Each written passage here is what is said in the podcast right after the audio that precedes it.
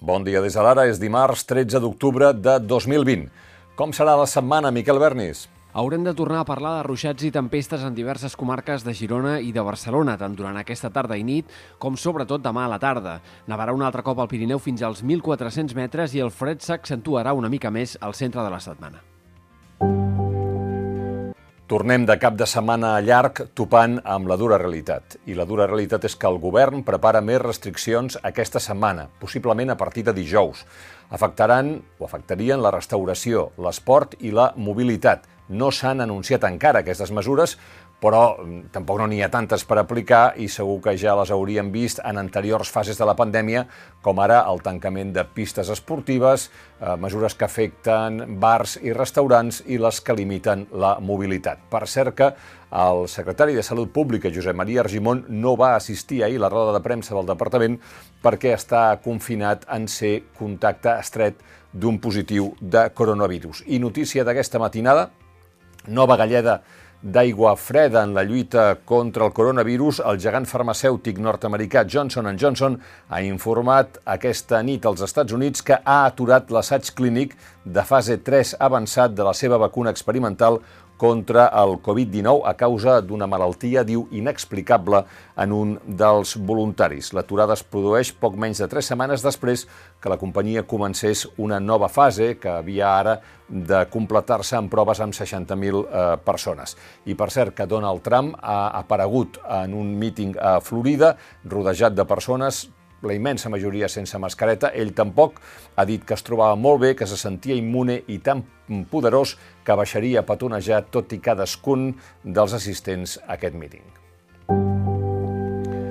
Ahir va ser 12 d'octubre, festa nacional d'Espanya. A Barcelona la ultradreta es va concentrar al voltant, a la base del monument a Colón, al port de Barcelona, amb salutacions feixistes incloses mentre que a Madrid el que vam tenir va ser un acte amb les principals autoritats de l'Estat, amb el cap de l'Estat i tot el govern, i no va faltar l'espifiada que ja sembla de cada any, aquesta.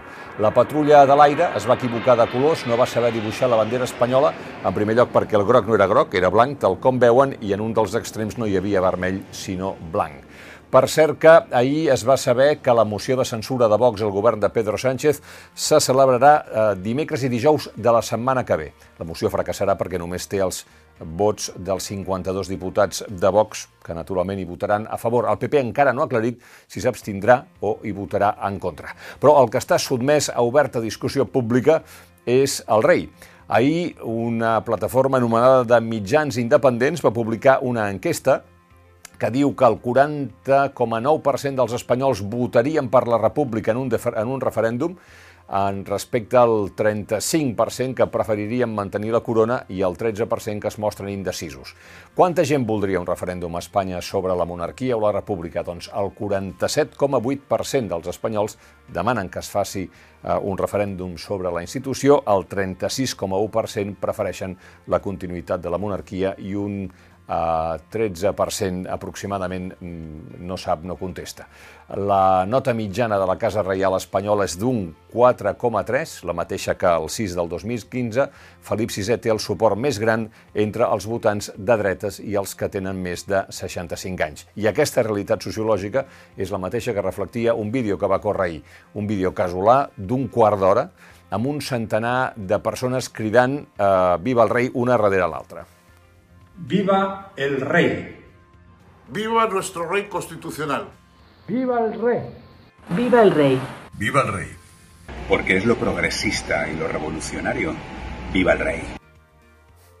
No són del mateix pensament Santiago Sierra i Eugenio Merino, que són aquells creadors d'una falla de cera del rei Felip VI de 4 metres i mig d'alçada i la van presentar a la Fira Arco de Madrid eh, van posar una condició a l'eventual comprador, que el col·leccionista que se l'emportés l'havia de cremar per contracte abans d'un any. Bé, doncs ningú no la va voler i com que ningú la va comprar, ells mateixos la van cremar ahir a l'Espai d'Art Contemporani Convent de Cal Rosal, a Olban, al Berguedà. La crema la van fer acompanyats de mestres fallers valencians que els van assessorar i també amb una dotació dels bombers. A l'Ara expliquem avui que el govern estarà obligat a portar el que va ser conseller d'Exteriors Alfred Bosch a la Fiscalia si té indicis eh, que va encobrir casos d'assetjament, o sigui, si sabia el que estava passant i no va activar el protocol per protegir les mm, presumptes víctimes en el si del seu departament, cas que li va costar eh, la dimissió. L'obertura de l'expedient per part de la Generalitat, de la qual se'n pot derivar aquesta mesura de portar-ho a Fiscalia, és imminent. Dos articles destacats avui, el de Joan Beculla, en què considera que amb la seva resposta a Isabel Turull, la germana del conseller a la presó, el cardenal de Barcelona, Joan Josep Omella, ha passat de pastor a funcionari, com veuen. I l'altre, l'article del costat, el de Sebastià Zamora, que explica que en termes objectius la situació és la següent.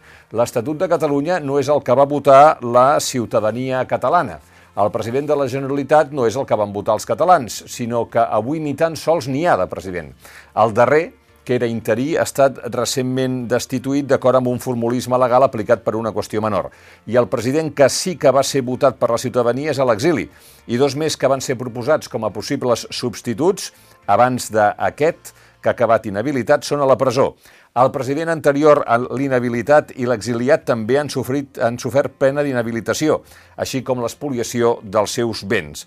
Els dos presidents frustrats que són a la presó i són com a presos polítics, juntament amb set dirigents polítics i civils més de la seva mateixa corda ideològica. Conclou el Zamora, la situació és que no hi ha cap altra regió de la Unió Europea que visqui un trencament de la democràcia i l'estat de dret com Catalunya, ni cap estat membre de la Unió Europea que desafiï el seu propi ordenament jurídic d'una manera tan escandalosa com ho fa a Espanya.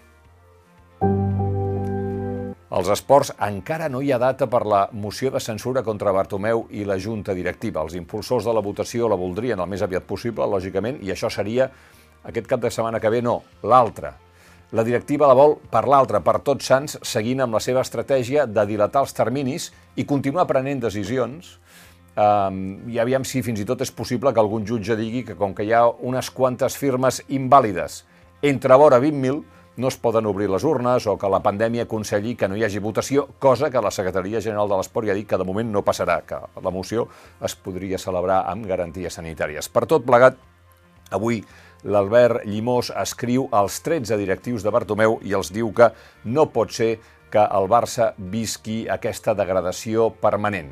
L'episodi de la moció de censura amb la intervenció als mitjans de Román Gómez Ponti, cap dels serveis jurídics, és l'últim espectacle lamentable. S'ha intentat torpedinar per terra, mar i aire una de les manifestacions socials més importants del club en els últims anys, diu l'Albert Llimós.